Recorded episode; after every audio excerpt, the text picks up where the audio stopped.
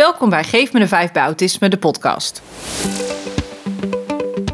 In deze podcast bespreek ik, Geef me de 5 expert Sinta van Alen, met mijn collega Nienke de Bruin allerlei onderwerpen over autisme. We nemen je mee in de visie, kennis en aanpak van de Geef me de 5 methodiek, delen onze ervaringen, weerleggen vooroordelen en beantwoorden vragen van luisteraars. Vooraf onze belangrijke opmerking. Autisme uit zich bij de ene persoon totaal anders dan bij de ander. We kunnen in deze podcast niet alles op maat maken. Nuanceer dus wat we zeggen en gebruik vooral alleen dat wat bij jou past. Vandaag aflevering 5 van de podcast met als thema brusjes. Ja, brusjes. Ja, die moeten we denk ik eerst even uitleggen. Ja, dat lijkt me handig. Want voor sommigen een hele, hele bekende term. Zeker als je bijvoorbeeld in de zorg werkzaam bent. Ja, klopt. Uh, voor anderen die denken misschien waar hebben ze het over. Maar brusjes is een uh, samenvoeging van broertjes en zusjes. Oftewel, we gaan het hebben over um, hoe het is om een broertje of zusje te zijn van iemand met autisme. Dus hoe het is om op te groeien in een gezin waarbij een van de kinderen uh, een vorm van autisme heeft. Ja, en we gaan bespreken of er dan iets anders verloopt. Uh, is dat überhaupt zo? En zo ja, wat loopt er dan anders dan normaal? We gaan het hebben over vooroordelen, beantwoorden een vraag natuurlijk. We gaan ook kijken wat is er nodig en wat is er helpend in de opvoeding. Um, eerst even beginnen bij onze ervaring, want wij uh, zijn allebei een uh, brusje. Ja, wij zijn allebei een brusje. ik vind dat wel zo'n gek woord, maar we zijn allebei een brusje. Um, dus dit is ook meteen, wordt dit eigenlijk een hele persoonlijke podcast, denk ik. Ik denk wel de persoonlijkste die we tot nu toe hebben opgenomen. Dat denk ja. ik zeker. Ja, ik ben een brusje van uh, twee, uh, twee zussen. Heb ik biologische zussen, die hebben geen diagnoses. maar ik ben opgegroeid met heel veel pleegbroers en zussen met van alles en nog wat aan diagnoses eigenlijk. En jij bent het uh, brusje van uh, één broer. Ja, ik had een iets gemiddelder uh, gezin. Met een, een, vader, een moeder, een, een oudere broer. En, en daar kwam ik nog. En ja, die oudere broer is degene um, met de diagnose in dit geval. Um, ja, en voor dit verhaal konden we dus ook eigenlijk maar één iemand uitnodigen. En dat is Rowan. Rowan, welkom. Dankjewel.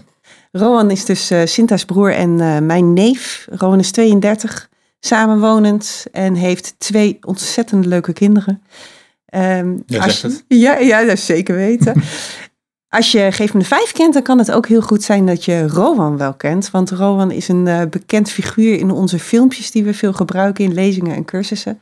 En ja, Rowan, ik weet niet hoeveel filmpjes er voor jou circuleren, maar het zijn er heel wat. Het zijn er redelijk wat volgens mij, door de jaren heen. Ja, ja, ja, ja. ik kan zo bedenken een filmpje over, um, over die mappen aanmaken in je hoofd, hoe je dat deed. Mm -hmm. Dat is een filmpje van, volgens mij was je een jaar of tien? Tien of elf, zoiets, ja. Ja, ja. ja ik had de theorie van tevoren met Colette besproken. En uh, het was nog niet aangekondigd. Ze stond in één keer bij me in de kamer en zei van, ik ga jou filmen. Oké, okay. ja. nou dat moet ja. dan maar. Ja, dat moet dan maar. Ja. Het was voor een bordspel en het is er nooit gekomen. Dus ja. Ja, ja, ja. en nog een ander filmpje. Uh, dat, nou dat weet ik ook nog wel zelf. Want vroeger nou, kwamen wij bij jullie op de verjaardagen. En dan was er iemand jarig. En jij zat altijd boven, Rowan. Ja. Jij was altijd, uh, zat jij boven op je kamer, daar achter de computer vaak. Lekker te gamen. Ja. En uh, nou ja, dat, wij kwamen binnen en nou ja, wij gingen als kinderen ook hup naar boven toe en daar spelen.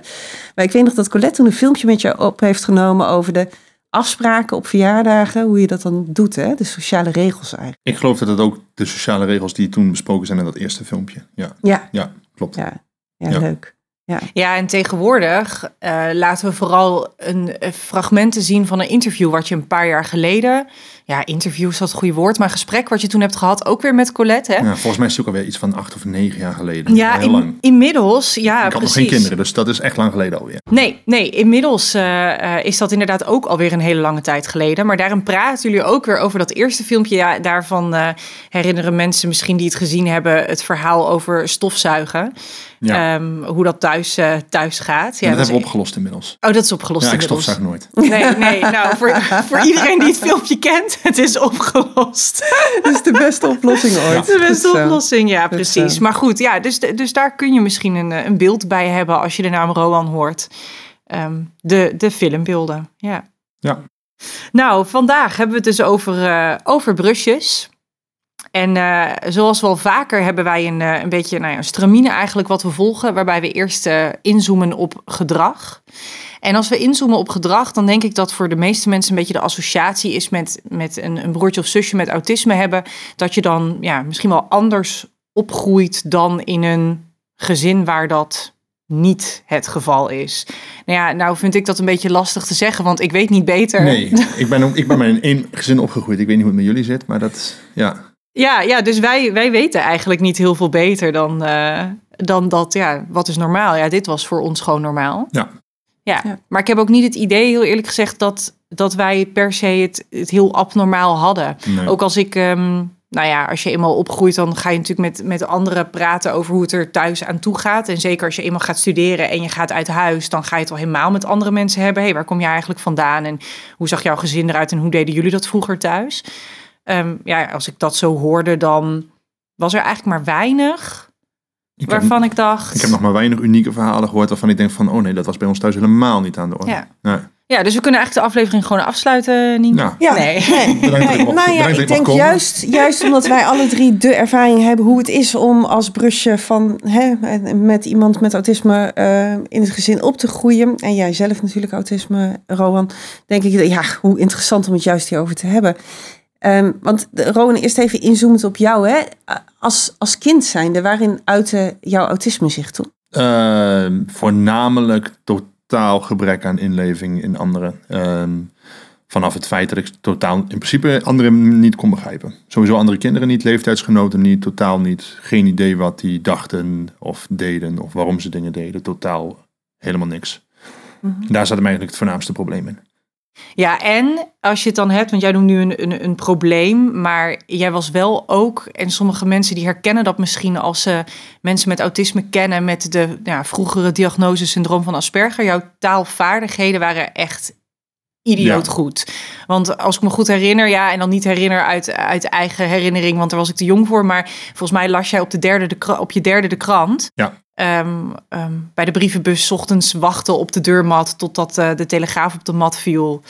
ehm, om, om die te lezen. En ik denk ook dat als je mensen in die tijd vroeg om iets te zeggen over jouw, jouw kletsen, jouw praten, dat mensen jou altijd ouder hadden ouder inschatten, omdat je zo ontzettend goed, ehm, ja, gewoon duur taalgebruik, moeilijke woorden.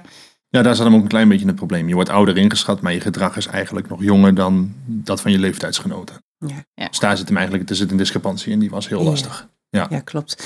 Ja, ik herinner me je ook als een, als een wijs mannetje. Heel wijs. Kennis. Mag ook gewoon bij de hand zeggen hoor. Ook zeker- nog steeds bij de Ja, hand, ja, kan ik ook wel zeggen. Ja, dat klopt. En enorm veel humor ook trouwens. Dit zit je nu aan tafel al gelijk te doen, maar dat deed dat altijd al. Dat jij was heel jong en had je ook al mega humor.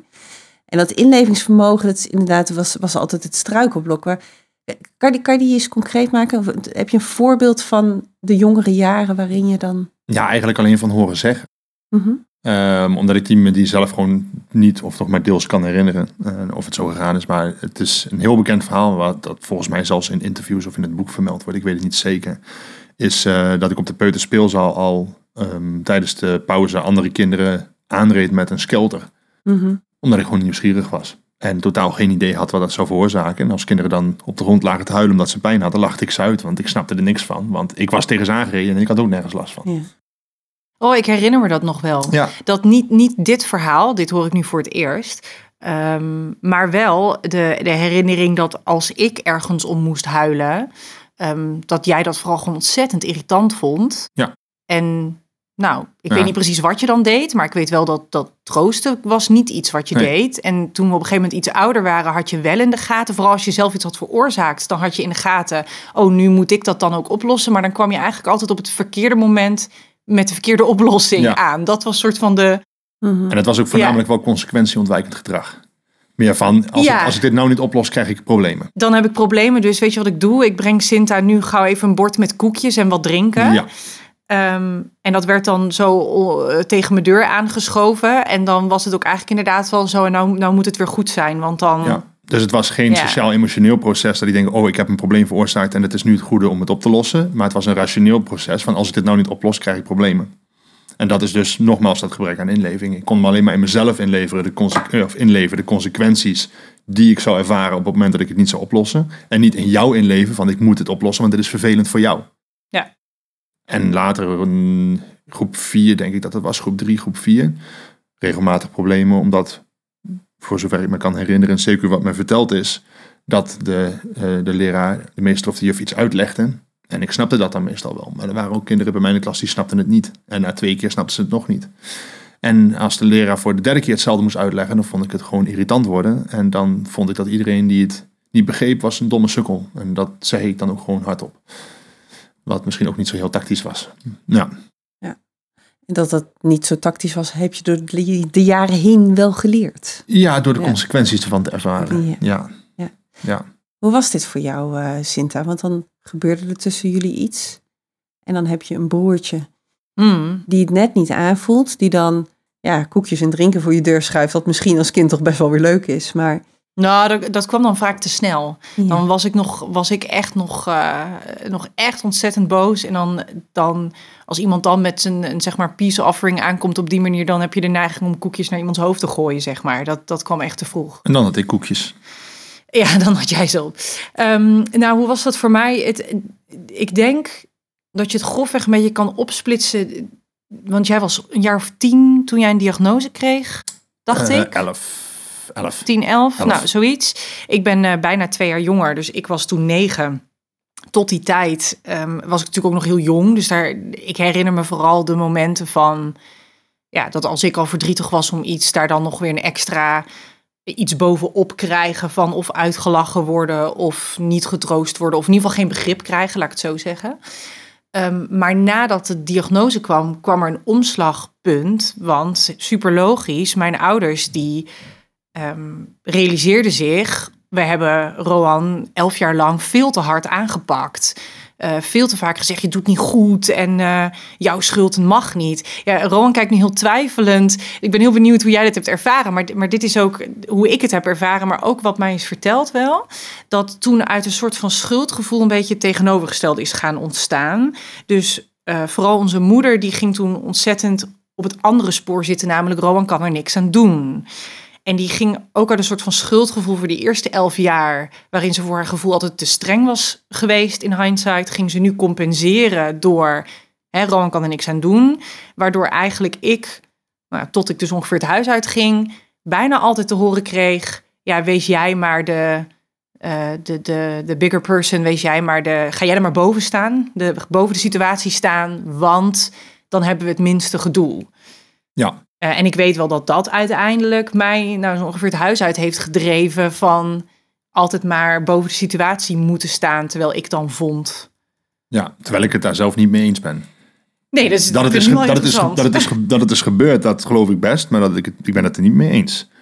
Dat jij er overal maar zo boven zou moeten staan, om zo te zeggen. Oh zo, daar ben je het niet daar ben ik niet mee eens, Nee, nee, nee, nee, Nee, nee, nee, nee. Ik kan zeggen, zoals ik jou ken, zou je dat er ook niet mee eens Nee. zijn. Nee. Waarom ben je het er niet mee eens? Nou, omdat ik gewoon vind, en dat heb ik altijd vanuit mezelf ook gezegd, of niet altijd, ehm, die, die, die theorie van hij kan er niks aan doen, die heb ik in het begin ook gebruikt.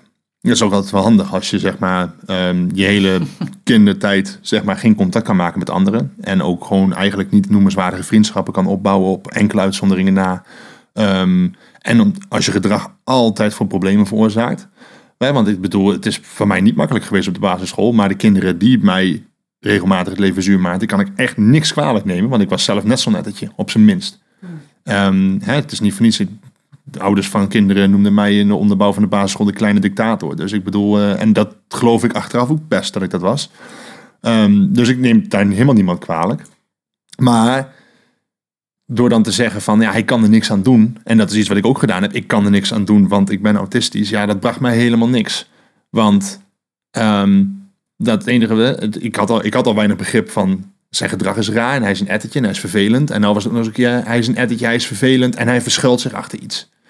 Maar dit is later in het proces. Ja, dat is later, in, dat is later in het proces. Hoe dit is, was je toen? Nou, dit was vlak nadat ik de diagnose kreeg, dat ik dat dus ook begon te doen. Dat ik me er ook achter begon te verschuilen van Ja. ik kan er niks aan doen, want. Mhm. En pas vanaf het moment dat ik een jaar of 13, 14 ergens denk ik was, dacht ik van ja, maar wacht even, wat als ik er nou wel wat aan kan doen? En wel mijn eigen gedrag ga aanpassen en wel kritisch gaan zijn op mezelf. En vanaf dat moment ben ik meer zelf begonnen met de ontwikkeling. Ja.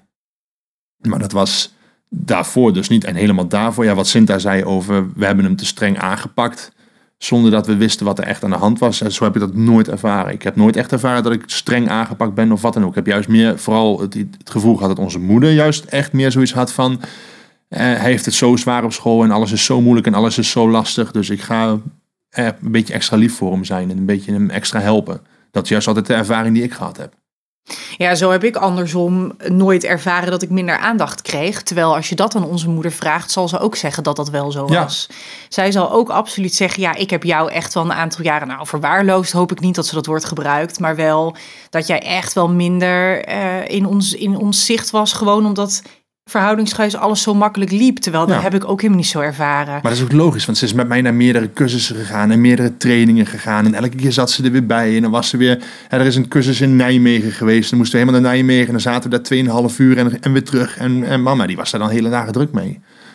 Volgens mij is dat gewoon een angst van een moeder, hè, dat je tekort schiet. Ja, en ook denk ik heel typerend dat jullie allemaal, elk gezinslid een andere ervaring heeft. Ik denk dat dat in Mhm. elk gezin, eh, dat daar sprake van is. En dat iedereen zijn eigen ehm, manier naar de zaken kijkt natuurlijk. Maar eigenlijk, eigenlijk wel, ehm, ook wel heftig wat jullie vertellen hoor. Want het doet dus wel veel in een gezin. Gebeurt veel. Het is, ik, ik kan, hè, als, als ik jou even, even, want we hebben het over me- meerdere fases eigenlijk. En als we nog even teruggaan naar die allereerste fase, waarin jij nog geen diagnose had, Rowan, eh, eigenlijk het heel zwaar had op school. Je ouders zagen dat. Maar daardoor was er, ja, vertoonde je een bepaald gedrag wat, waar je zelf tegenaan liep, waar de omgeving tegenaan liep, wat echt heel lastig was.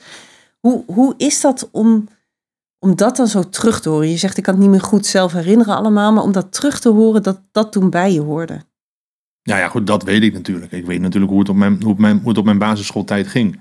Maar hoe is dat? Ja, ik heb dat afgesloten. Ik heb daar gewoon vrede mee. Ja. Ik weet dat mijn gedrag zelf was gewoon niet oké. Nee. En, eh, en dat lokte dus ook gedrag van andere kinderen uit. Ja. En dat kan ik die kinderen niet kwalijk nemen. Ik kan het mezelf moeilijk kwalijk nemen, want ik wist begot niet waar ik mee bezig was. En Nee. niemand wist wat ze met mij aan moesten. Ja. Dus dat is gewoon gebeurd. En eh, ja, verder is niks.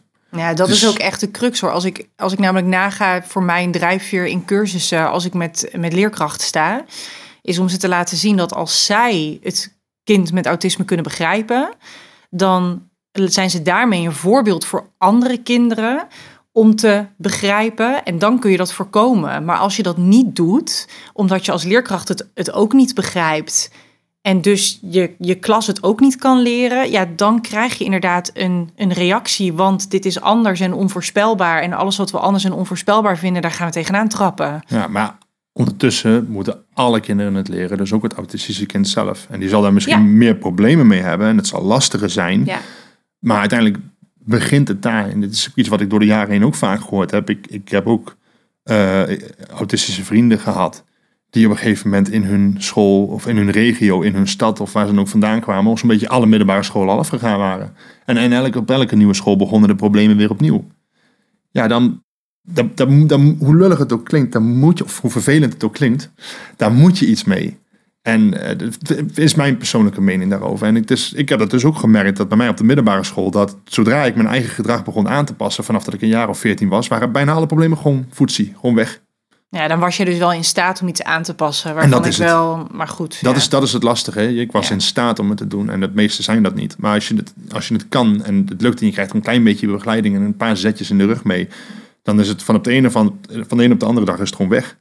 Toch heeft dat bij mij dan wel, want jij zegt 13, 14. Nou, ik denk dat, dat wij wel begin adolescentie waren voordat onze relatie weer hersteld was. Het probleem is dat wij de hele dag Dus op elkaars lip zaten. Ja, dat blijkt dan. Wij, nou, vochten, wij vochten elkaar de tent uit en toen jij uit huis was, waren alle problemen meteen weg. dan waren we misschien Vertel toch wel eens. normaal. Even terug, vertel eens. Hoe ging dat eraan toe bij jullie? Wat, wat, waar, wa- hoe ontstond dat? Ja, hoe ontstond dat? Hoe ontstond dat? Ja, wij waren het gewoon nooit met elkaar eens. En we hadden gewoon altijd ruzie. Maar het was gewoon meer dat door de jaren heen, eh, jarenlang bij elkaar op de lip zitten, elke dag weer in hetzelfde huis wonen. eh, wij waren gewoon een beetje klaar met elkaar. Dat was meer het voornamelijke. eh. het is nu nog steeds zo. Wij hebben, kunnen hele gesprekken hebben over de app en over de telefoon. Maar als we een weekendje weggaan, na twee dagen, dan loopt de irritatie wel op. En dat is gewoon. Is dat zo? Ja, dat, Nou. het weekendje. Nee, maar dat is, weders, dat is, een, wederzij, dat is een wederzijds iets. Dat is gewoon een wederzijds iets. Maar dat is. eh, ik denk. dat- En, en, maar dat vind ik hem heel interessant. viel nog wel mee trouwens. Wintersport was dat niet voor een paar jaar geleden. Nee. Viel nog wel mee. Volgens mij is dat toch ook wel iets van een paar jaar geleden. Maar als je zegt, als jij zegt de, de, de irritaties liepen, ja, wij konden zeker in discussie zijn. En, en toch heb ik het wel ervaren als dat jij toen ontzettend zwart-wit dacht. Ja, ja, ja, zeker. Vergeleken met nu. Zeker. Dus toen waren discussies eindigden ook gewoon altijd in ruzie. Want ja, jij noemde mij dan een moraalridder. Maar ik was op zoek naar, naar de nuance die ik bij jou gewoon niet ging krijgen. Uh, dreef onze ouders ook echt tot waanzin. Want iedere discussie... We mochten op een gegeven moment geen discussies meer voeren aan de eettafel. Um, wat wel grappig is overigens. Want nu doen we dat soms nog steeds. Maar nu gaat het wel degelijk met nuances vanaf beide kanten. Maar dan kan onze vader roepen... Uh, geen ruzie maken. En dan roepen wij een koor... We, we, maken geen ruzie. We hebben Gewoon een normale een discussie. Gewoon een normale discussie. tegenwoordig, tegenwoordig hebben we allebei die nuances wel een beetje. Maar we zijn ook wel qua, qua opinie wat meer naar elkaar toegegroeid. Toen dat ook. Maar toen eh, eindigde dat wel echt altijd in ruzie. En ik kan me herinneren dat, nou ja, voor mijn gevoel werd er vrij weinig rekening met mij gehouden. Dus muziek die op, op standje 100 aanging en dan echt niet zachter gezet mocht worden. Of, ehm, ik had het fenomeen ja. koptelefoon nog niet ontdekt toen. Was dat zo, Rowan? Ja, ja, hield, zeker. Hield jij weinig rekening? Ja, absoluut. Zeker. En hield zij rekening met jou? Nou, afgezien van uh, dat ze op de dwarsfluit speelden, over het algemeen wel, ja. Ja, dwarsfluit heb ik echt trauma's aan overgehouden. Een verschrikkelijk ding. Oh, dat wist ik niet. Ja, nee, echt, echt, een afschuwelijk ding. Echt verschrikkelijk. Oh. Maar dat voelt uh, alsof het wat uit balans is. Hè? Sinta hield heel veel rekening met jou en het lukte jou niet goed rekening met haar te houden. Is dat ook iets wat typerend is voor jullie broer-zussen relatie, dat het uit balans is? Dat denk ik wel. Ja. Nu of toen? Toen. Ja, toen. Nou, niet meer. Nee. Nou, is, nou is alles wel in balans. Maar ik bedoel, zeggen... dat, dan hebben we het ook echt over dat ik inderdaad een jaar of 15, 16 was. En ik had van mijn, van mijn geld van mijn bijenbaantje een ontzettend mooie speakerset gekocht. En ik hield ontzettend van harde muziek, nog steeds overigens. En uh, die, die gooide ik gewoon aan. En ik heb die set nog steeds en ik gebruik hem ook nog steeds. Maar als ik hem nou op dat volume zet waar ik hem voorheen op heb, dan denk ik automatisch van, oh, dat is niet handig. Dit gaan de buren niet van je vinden. En in die tijd zat zij gewoon de kamer verderop. Dus ja, dat is... Uh, um, allebei als tiener natuurlijk naar de zolder uh, verbannen. Ja. Dus ja, ja. Dan, uh, dan, ga je. Inderdaad, en wat ik zei, ik had het, ik had het fenomeen ja. koptelefoon nog niet ontdekt. Uh, dus dat, is een, dat was een ding. Ja, en ik denk uiteindelijk wel dat, zeker als je dan inderdaad iedere dag met elkaar in een huis zit, dat ik denk wel dat het bij ons wel verder ging dan twee tieners in huis ik weet wel de laatste, ik ben op, nou, ik was net de maand 18, toen ben ik op mezelf gaan wonen. En die laatste maanden heeft onze moeder wel vaker tegen mij gezegd: nog vijf maanden en dan ga je het huis uit. Nog vier maanden en dan ga je het huis uit. Dat heb ik nooit meer gekregen. Ja, nee, dat was een onderrondje wat, uh, ja, wat wel plaatsvond. Ja. ja. Ja, en dat heeft daar nou ook echt wel een paar jaar geduurd. Oh ja, zeker. Uh, voordat dat weer dat moest even weer in balans komen, inderdaad. Ja. Maar ook dat heeft weer te maken met dat die paar jaar die dat geduurd heeft voor jou, was zijn voor mij een paar jaar geweest waar ik meer, waarin ik mezelf ontzettend heb ontwikkeld. Echt enorm. Want dat is precies tussen mijn 19 en mijn 23ste. Ja. En die ontwikkeling die ik toen gedaan heb, die is echt mega. Ja, dat is echt bizar. Ja, dus, ja. dus dat, heeft, dat heeft natuurlijk ook wel een klein beetje mee te maken. Dus, ja, dat denk ik ook wel. Ja. Ik word wel nieuwsgierig naar deze ontwikkeling. Kan je die iets toelichten?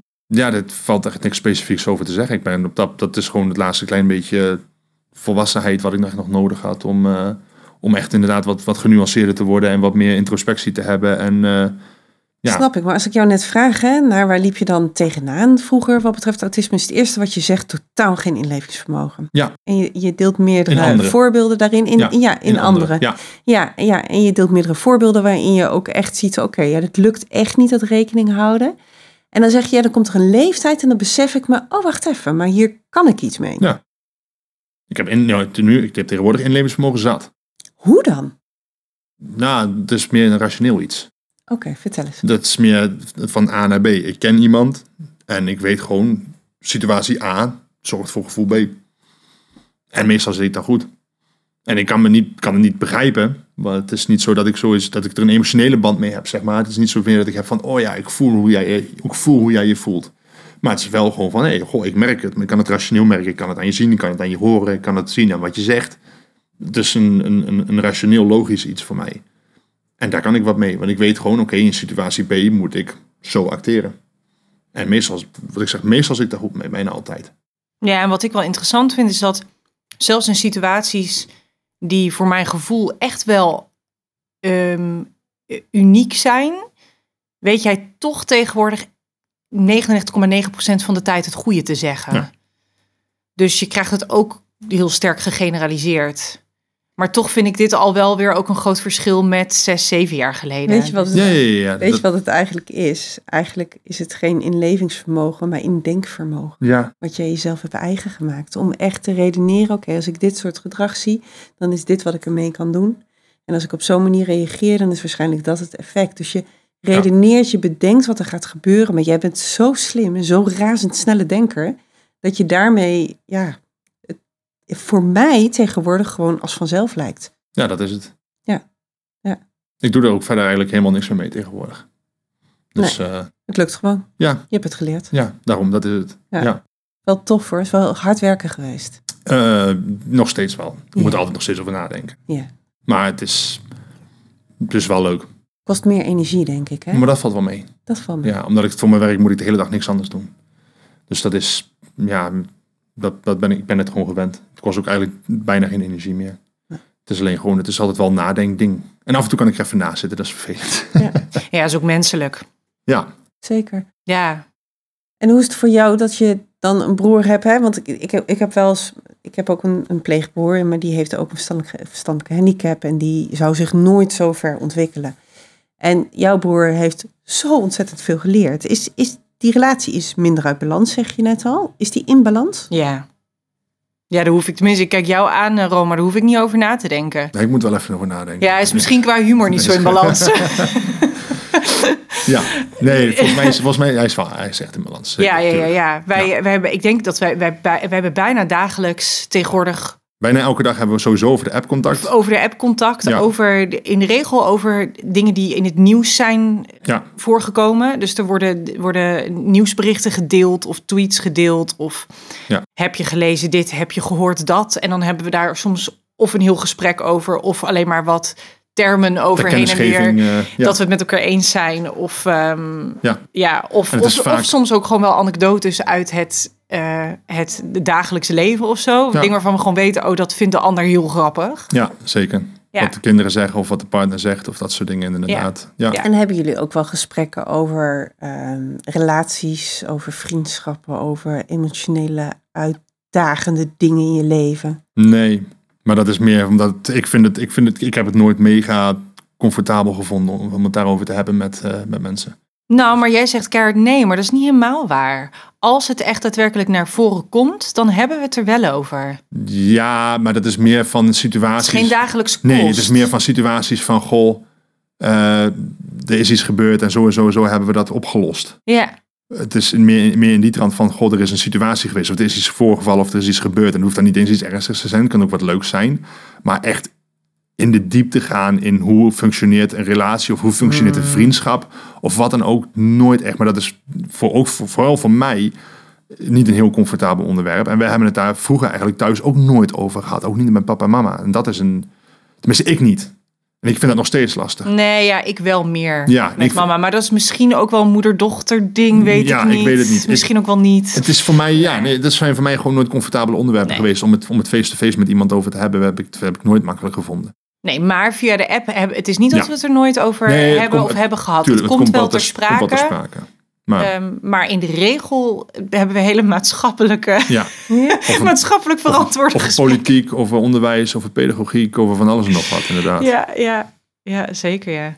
Ja, En meestal dan gooi ik er een nieuwsbericht in en dan gooi ik mijn ongezouten mening erachteraan. En dan soms krijg ik een eens terug en dan soms krijg ik wat nuance. Dus dat is wel leuk. ja, En andersom natuurlijk ook. zeker. Ja.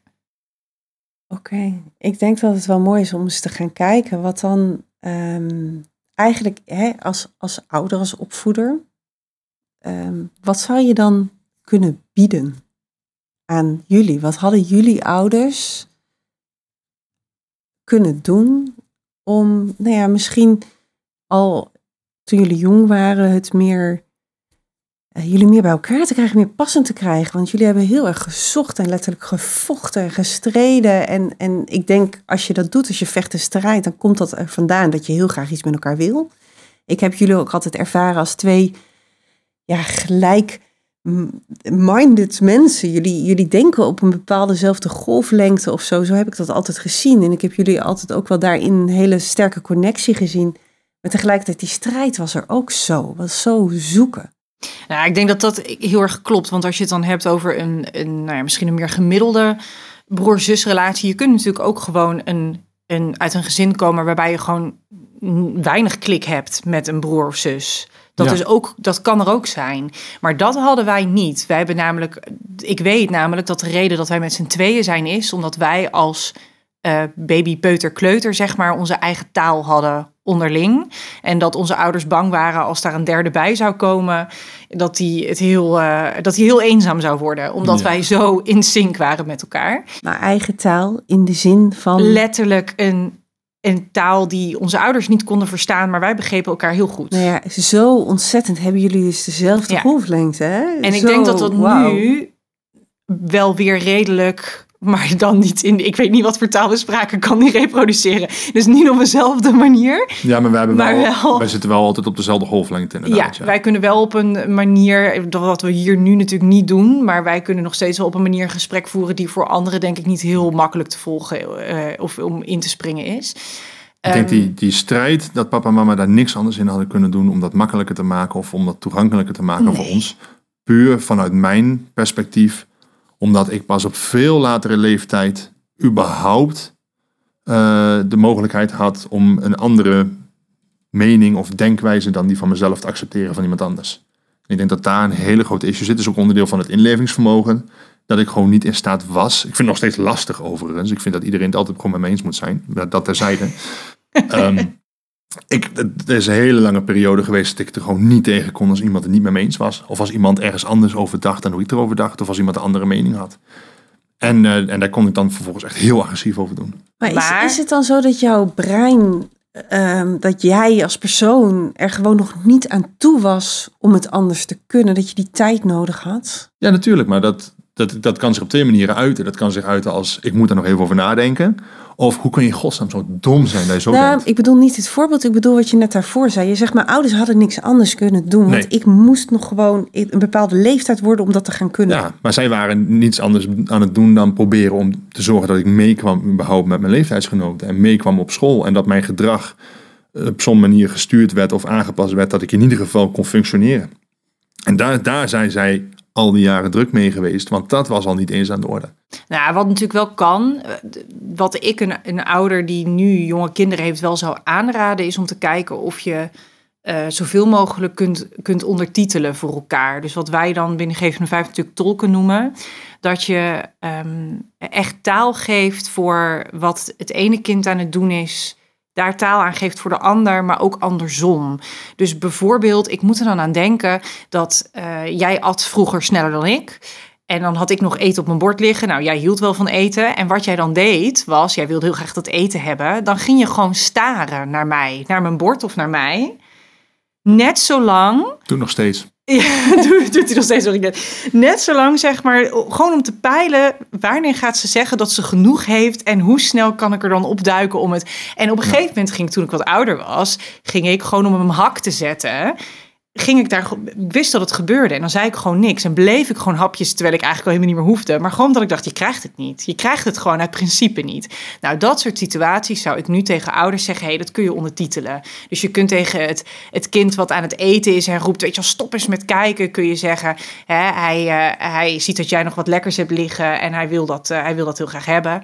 En je kunt tegen het kind wat aan het staren is zeggen, ik zie dat jij heel graag nog wat wil jij mag, uh, um, hè, je mag even met ons in gesprek zijn. En als er nog wat overblijft, dan hoor je dat. Nou, Cetera, andere taak geven. Ja, dus de andere taak geven in, in, in plaats van het staren, maar wel voor beide partijen taal geven aan wat gebeurt hier nou, om eigenlijk de, uh, ja, de, de, de, de sere angel er een beetje, zeg ik dat goed, de, ja. ja. om dat er een beetje uit te trekken, tussen, dan, dan loopt het niet zo hoog op. En heel veel dat ervan zou... is gewoon dat het niet ingevulde tijd is. Hoor. Echt heel veel van is niet ingevulde tijd. Nou, we gaan, we gaan, we, het is een mooie voor het, voor het eh, onderwerp voor de, voor, voor de volgende keer deze. Ja. Maar, maar het is, ja, ik denk dat daar in ieder geval taal aan geven. Ik denk dat dat iets is wat onze ouders gewoon niet wisten dat dat nuttig was. Dus die grepen in zoals de meeste mensen op natuurlijke communicatie doen. Namelijk, nou, hè, niet meteen zo, uh, niet zo boos doen of niet, zo, uh, niet meteen gaan huilen. Mm, ja. Zoals je heel logisch ingrijpt. Snap ik. Ja. ja, en als je kinderen meer op elkaar lijken, hebben ze vaak ook meer hetzelfde nodig. En het is van oudsher is het wel aardig gebruikelijk om je kinderen hetzelfde op te voeden. Als de ene wat krijgt, krijgt de ander ook wat. En de regels hier in huis gelden voor alle kinderen hetzelfde. En ik denk dat dat iets is wat ik door de jaren heen wel geleerd heb. Dat het heel belangrijk is om kinderen regels te geven. En sowieso in het algemeen te geven uh, wat, bij, wat voor hen nodig is. En dat kan enorm verschillen per kind. Hoe ging dat bij jullie? Nou, dat werd bij ons eigenlijk dus al op die manier gedaan. Ja. Um, want wat er namelijk, wat er bijvoorbeeld gebeurde was. Um, ik weet niet of jij, of jij dit weet dat dit zo gebeurd is, of misschien dat je het achteraf wel wist. Maar um, toen wij tieners waren, allebei, toen had jij had op een gegeven moment een vriendin. En jij mocht niet uh, bij die vriendin blijven slapen. Dat wilden wilde onze ouders niet. Dat, dat, daar, daar trokken ze voor jou ook gewoon een grens. Ja. En toen kreeg ik op een gegeven moment een relatie. En ik was natuurlijk bijna twee jaar jonger. En toen dacht mijn moeder, dacht ja, eigenlijk vertrouw ik Sinta daarin meer. Maar ik kan, of en tegelijkertijd vind ik Sinta nog te jong. Maar ik kan niet zeggen Sinta mag wel, terwijl haar oudere broer niet mag. En toen heeft ze dus uh, tegen mij, heeft ze echt met mij afgesproken dat ze tegen, tegen jou, Rowan, ging ze zeggen: Jij mag nu, vanaf nu. Mm-hmm. En ik moest wachten totdat jij voor het eerst een keer was blijven logeren bij die vriendin. En toen pas mocht ik, zodat jij nog het idee zou hebben dat jij als oudere broer dat dan eerst mocht. Terwijl voor mijn moeder was het idee, nou, ik vind jullie daar hè, nu al, dit is voor allebei nu prima, maar om jou het idee te geven, ik ben de oudere broer. Dus dat was eigenlijk eentje die ze scheef trok. Ik mocht dat dus twee jaar eerder. Wat in zekere zoektocht nee, er, was nog een, er was nog een andere reden voor. Het feit dat ik in die, in die tijd niet in staat was om een vriendin van mijn eigen leeftijd te zoeken. Nou, dat klopt. Je had ook een, er, zat, er zaten meer, er zaten meer dingen, ja. kwamen er meer dingen bij kijken, maar zij ging dus wel. Dus jouw vriendin was veel ouder. Die was, ouder. Die was negen jaar ouder, ja. Maar Zij, ging wel, zij ging echt wel nadenken over hoe kan ik ervoor zorgen dat dit fair voelt voor, voor beide partijen, maar wel rekening houden met welke grenzen ieder kind nodig heeft. Ik had bijvoorbeeld ook geen bedtijd. Jij kreeg die op een gegeven moment wel omdat jij anders gewoon tot vier uur s'nachts aan het gamen was. Op een gegeven moment hebben ze dat ook weer losgelaten. Ja, dat mij. toch maar er niks van aan. Nee, nee, klopt. Ik kan me niet meer herinneren dat ik ooit een bedtijd ja. had. Dus, dus dat, dat, zo ging het bij ons en ook, wel. Een, een, paar, een, paar, een paar andere dingen die ik me zo kan bedenken. Dus sowieso is het ook logisch, want wij hadden alle, alle, allebei andere hobby's. Want jij kon gewoon thuiskomen bij school en dan gewoon een paar uur lekker met je huiswerk bezig zijn. Ik kreeg me inderdaad mijn snuffen niet van de computer af. Nou, jij zat zo dicht in die computer dat je volgens mij ook niet door had wat ik deed. Want een paar uur lang huiswerk maken was, was, het niet. Nee, nee maar desalniettemin, jij hebt over het algemeen op school altijd een stuk makkelijker gehad dan ik. Ja, nee, dat klopt. Dus daar horen dan op een gegeven moment, je hebt twee hele andere kinderen die allebei eigen problematiek hebben. En daar moet je de regels op aanpassen. Ja. Doen wij thuis ook. Ik snap het enorme zoektocht lijkt het me als ouders wel hoor. Als je zulke verschillende kinderen hebt. En tegelijkertijd als de kinderen, als je die het uit kan leggen. Hè, we doen het anders, want jij hebt wat anders nodig. En dat kan de basis zijn in het gezin. Ja. Denk ik dat dat heel erg helpend is. Nou, als ik, nog, als ik nog hoor hoeveel mensen in mijn omgeving hun kinderen opvoeden zoals zij opgevoed zijn. Want zo ben ik opgevoed en ik ben ook goed terechtgekomen. Dan valt daar nog heel veel aan te winnen, denk ik. Ja, ja. Oké. Laten wij denk ik naar een uh, vooroordeel gaan over dit onderwerp. Ja, lijkt me goed. Een vooroordeel wat we vaak horen over, um, nou, op het moment dat je vertelt dat je een broertje of zusje hebt met autisme, uh, is denk ik wel dat je jeugd dan lastig moet zijn. Dat dat is wat veel mensen dan eigenlijk vanuit gaan. Ja, dan heb je een zware kindertijd gehad of een, uh, ja, soms wordt het wel eens genoemd als, als ja, als een stuk dramatischer dan, dan dat het hoeft te zijn. Ik bedoel, er zullen absoluut situaties zijn waarin mensen dat ook zo hebben ervaren. Ehm, maar dan, ik denk dat er ook veel gezinnen zijn waarin je dan voorbij schiet aan juist alles, alles wat het eh, extra oplevert. Vertel eens, wat levert het op? Ja, wat heeft het jou opgeleverd? Ja, ik ben wel heel nieuwsgierig. wat het ons heeft op. Ja, um, even denken hoor. Nou, humor is gewoon het eerste wat mij te binnen schiet. Ik denk dat niemand zulke goede woordgrappen maakt als jij, uh, Rohan. Ja, wat ik. Uh, ja, ja. Ja, voel nu de druk om er nog één te maken voordat we deze gesprek afronden. Ze komen altijd vanzelf. Het kan, het kan niet op commando. um, ja, Wat ik vaak zie bij broertjes en zusjes en wat ik ook bij jou zie en bij mezelf. eh, eh, ja, je wordt later wel best wel een hele goede hulpverlener. want, Ja. jij, je, want je kent het. Ja. Je hebt het, eh, je hebt het ja, doorgevoeld, meegemaakt. Je, weet je, ook als, ik weet nog, mijn, mijn broertje vroeger, ehm, die, eh, zijn veiligheid waren autootjes. En daar had ze een hele kamer vol met autootjes. En die zette die dan allemaal netjes op een rij. Die zette die dan perfect.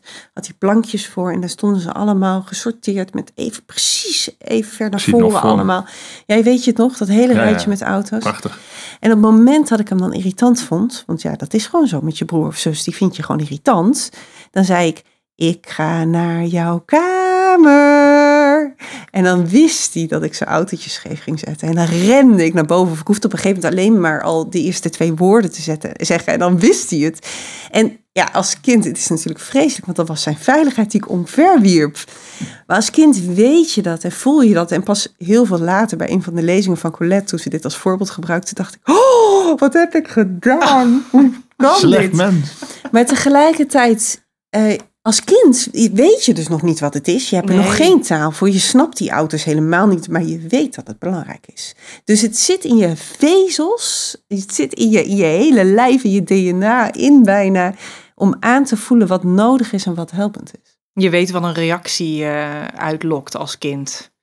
Ja, en als je dan later de taal krijgt om te weten wat dat dan is geweest. En ja, dan levert dat stiekem heel veel op. Dat deed je dat bij mij nooit. Ja. Dit soort dingen. Nee. Eh, nou, ik wist wel welke woorden ik jou moest noemen. Ja, die had je van papa geleerd.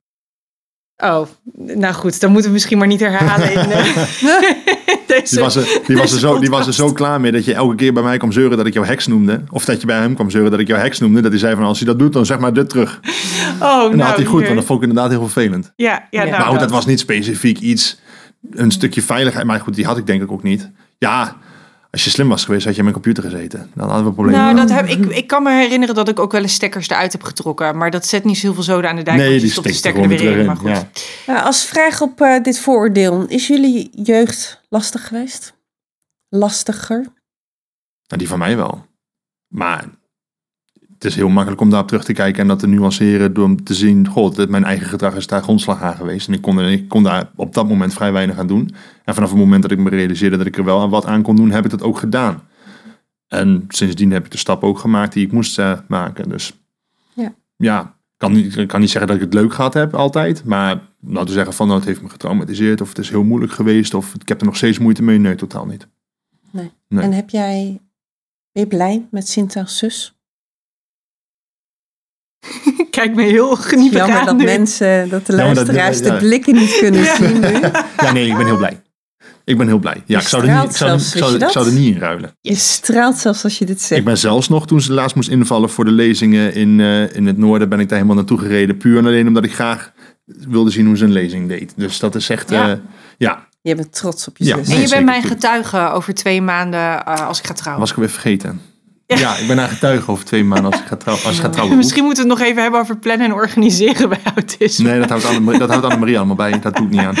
Ja, dus Net, net, dat als, zegt stof, ook wel net, wat. net als stofzuigen. Zeker zegt dat wat. Sinta, is jouw jeugd lastiger geweest? Eh, ik denk best dat er, dat er aspecten zijn die lastiger zijn geweest dan misschien bij een gezin waar autisme geen rol speelt. Maar ik denk dat alle dingen die, die ik wel had in mijn gezin, dat die daar tegen, tegenover zwaarder wegen. Dat denk ik. Dus als je het allemaal op een weegschaal legt, Ja, dat, Dan wel. zeg dat, nee. Dat is natuurlijk ook wel zo.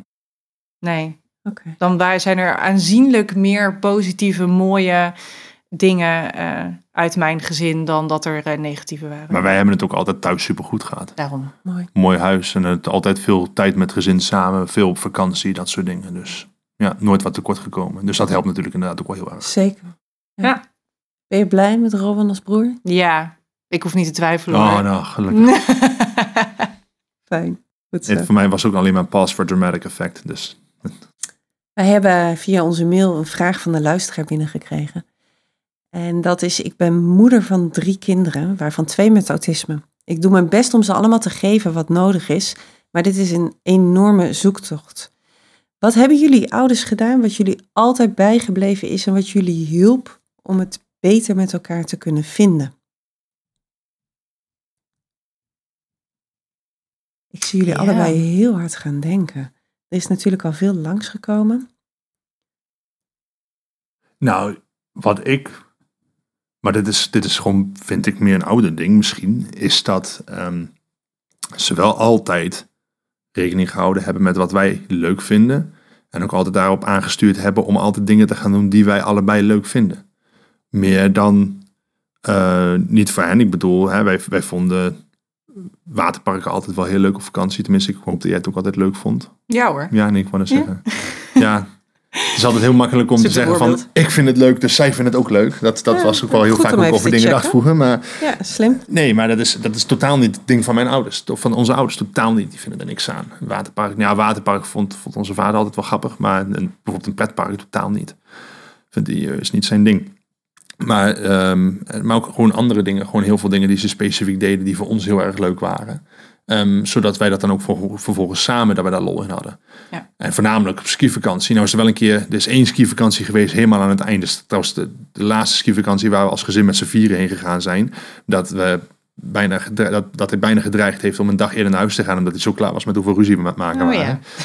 Dat is de laatste keer dat we met z'n vieren op vakantie zijn, skivak- überhaupt op vakantie zijn geweest.